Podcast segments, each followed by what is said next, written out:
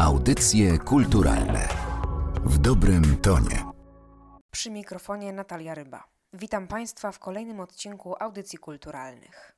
Lektura najnowszej publikacji Wydawnictwa Narodowego Centrum Kultury Sekrety ludzkiego czasu autorstwa profesora Mariana Golki zainspirowała mnie do pogłębienia tematyki czasu. W dzisiejszym odcinku temat czasu odkryje przed nami profesor Mirosław Chałubiński, socjolog kultury, socjolog polityki i specjalista w zakresie historii idei. Zapraszam.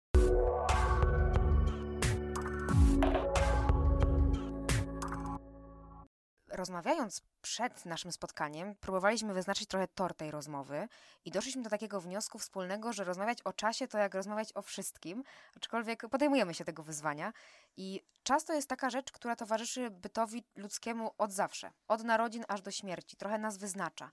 I może wypadałoby te nasze rozważania zacząć od tego, skąd to się w ogóle wzięło. Dlaczego my mamy potrzebę poczucia czasu? Jak zaczęliśmy go wyznaczać? Temat czasu jest zaangażowany właśnie w, w bardzo wiele naszych spraw. To zachodzi potrzeba sprecyzowania. Dlaczego czas jest taki ważny i dlaczego właściwie w myśleniu ludzkim, czyli jest powiedzmy wszechobecny w odczuwaniu istot żywych. No i ta wielość kontekstów, w którym dotykamy czasu, powoduje to, że badacze, a także ludzie, którzy pisali na ten temat, niekoniecznie w konwencji naukowej, odczuli potrzebę wyodrębnienia pewnych rodzajów czasu. Odróżnia się tak zwany czas abstrakcyjny, czas ilościowy ten, który możemy mierzyć przy pomocy zegarka i innych urządzeń. Myślę, że o wiele bardziej w myśleniu potocznym obecne jest tak zwane jakościowe pojmowanie czasu, które potem przejęła socjologia jako nauka, psychologia. Chodzi o to, by w tym, co nazywamy czasem, wyodrębnić różne zjawiska, procesy, związane z życiem społecznym, z przeżywaniem świata. I to jest ujęcie, które śmiało możemy nazwać ujęciem socjologiczno-psychologicznym. A więc indywidualne odczuwanie tego, co nazywamy czasem i swojego zakorzenienia w życiu. To pojęcie czasu przeżywanego wprowadził polski filozof Roman y, Ingarden. Istnieje też pojęcie, które nazwałbym pojęciem e, filozoficznym.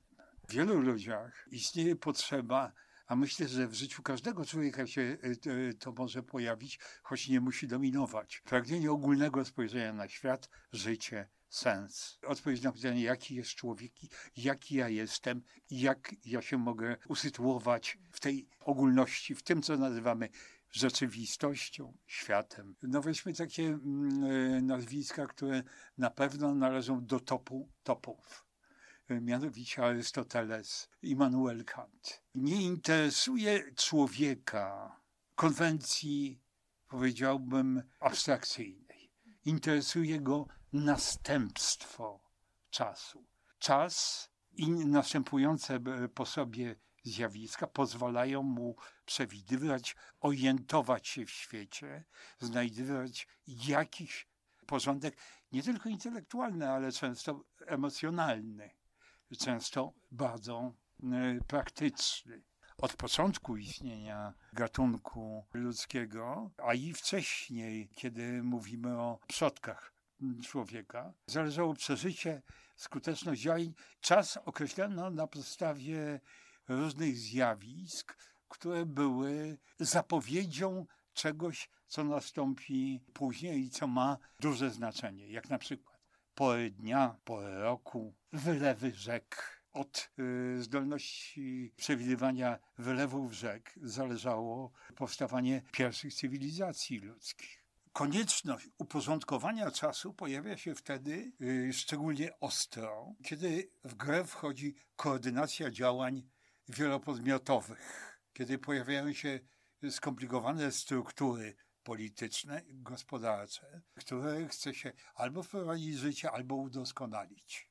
Kalendarz, taki, który przetrwał w naszym kręgu kulturowym tak zwanym zachodnim, pojawia się w okresie rozwoju Imperium Rzymskiego, tak zwany kalendarz juliański. Kalendarz gregoriański pojawia się również z działaniami uporządkowania świąt kościelnych. Było to, o ile mnie pamięć nie myli, w 1582 roku. Konieczność precyzacji czasu i dokładności czasu staje się czymś o ogromnym znaczeniu w końcowym okresie średniowiecza, w początkach nowoczesności. Wtedy pojawiają się zegary tak zwane mechaniczne. Pięknie pisze na ten temat Ray Fromm w Ucieczce od wolności. Pojawiła się potrzeba czegoś bardziej precyzyjnego niż zegar słoneczny i tak zwany gnomon. I zegary wodne i e, w ogóle piaskowe.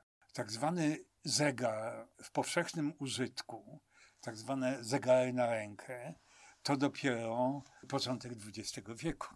Wskazał Pan bardzo praktyczne aspekty czasu, a na przykład profesor Marian Golka w swojej książce Sekrety ludzkiego czasu dzieli czas na stany. Wyróżnia na przykład planowanie, wspomnienia, tęsknoty, lęki. Czym zatem jest stan naszego umysłu względem czasu? Nie mam wątpliwości, że istnieją różne indywidualne nie tylko kulturowe sposoby przeżywania czasu, nie tylko związane z kulturą. Kiedy używamy takich określeń jak nudno mi albo czas przeleciał, mamy poczucie bezdziejstwa i bezwartościowego funkcjonowania samego siebie w świecie. Mówiliśmy o filozofach, ale jedną postać chciałem przywołać, Artura Schopenhauera, który pokazuje w swoich pracach, że przeżywanie czasu szybkość, umykanie czasu wiąże się z upływem lat. A więc ludzie starzejąc się, albo kiedy im przybywa lat, mają uczucie, że ten czas o wiele szybciej biegnie. Proszę zwrócić uwagę, że pewne cechy ludzkie, osobowości, związane z osobowością nowoczesną, weźmy takie cechy jak bycie punktualnym, bycie człowiekiem zorganizowanym. To są ważne cechy człowieka Y, nowoczesnego, bo zorganizowanie oznacza wykorzystywanie czasu. Marian Kolka też podkreśla taki bardzo ciekawy aspekt wyczekiwania. To znaczy, mnie, mnie on się wydał ciekawy, bo mówi o tym, że czekanie na coś, i to mogą być różne rzeczy. Na przykład czekamy na pociąg, ale czekamy też na ukochaną osobę, jak wraca, ale czekamy też na zmiany w naszym życiu, które nie wiadomo skąd miałyby się wziąć. I Marian Golka określa to trochę jako takie wyrwanie się z rzeczywistego życia, zatrzymanie się w punkcie, czas mija, tak sobie to wyobraźmy, i my po prostu się z niego wycofujemy, ale nagle do niego wracamy. To jest, wydaje mi się, niebywałe, jak sobie to zobrazujemy i uświadomimy sobie, że w ogóle tak naprawdę nie mamy żadnej kontroli nad czasem. Nawet jeżeli nam się wydaje, że my czekamy, to ten czas jest w ogóle zupełnie obok nas. No właśnie, tu się pojawia problem, który e, ani filozofia, ani socjologia, ani teoria kultury nie rozstrzygnęły. Kontrola nad czasem, albo pragnienie kontroli nad czasem jest pragnieniem znalezienia i sensu i podporządkowania naszym niezwykle ważnym potrzebom. I tutaj Golka na pewno spotyka się z filozofami, którzy muszą sięgać do psychologii społecznej. Mówił Pan o kontroli czasu. I tutaj takim narzędziem kontroli czasu jest fotografia. Na przykład Roland Barthes mówił o tym, że to jest takie narzędzie, które może zatrzymywać czas, ale na przykład też w literaturze, z tego co pamiętam, Cortazar w grze w klasy mówił o tym, pisał o tym, że fotografia pozbawia nas poczucia nicości, no bo coś utrwala, coś zatrzymuje. Czy tak faktycznie jest? Czy to jest jedyne narzędzie, które pozwala nam zatrzymać czas i mieć nad nim jakąkolwiek kontrolę? Każdy z nas ma taką potrzebę, która nie zawsze jest y, dominującą. Zatrzymania ważnych chwil. Pisanie pamiętników czy y, fotografie są bliskimi krewnymi.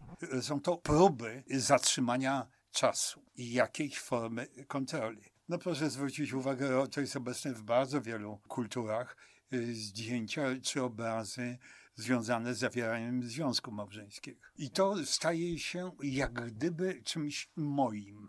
Moim w głębokim, niekiedy intymnym znaczeniu tego słowa. A więc, proszę Państwa, nie ulegajmy uczuciu pozornej oczywistości problemów związanych z czasem. Jest y, to zjawisko wielopostaciowe, obecne we wszystkich kulturach, mm, ulegające różnym przemianom, mutacjom.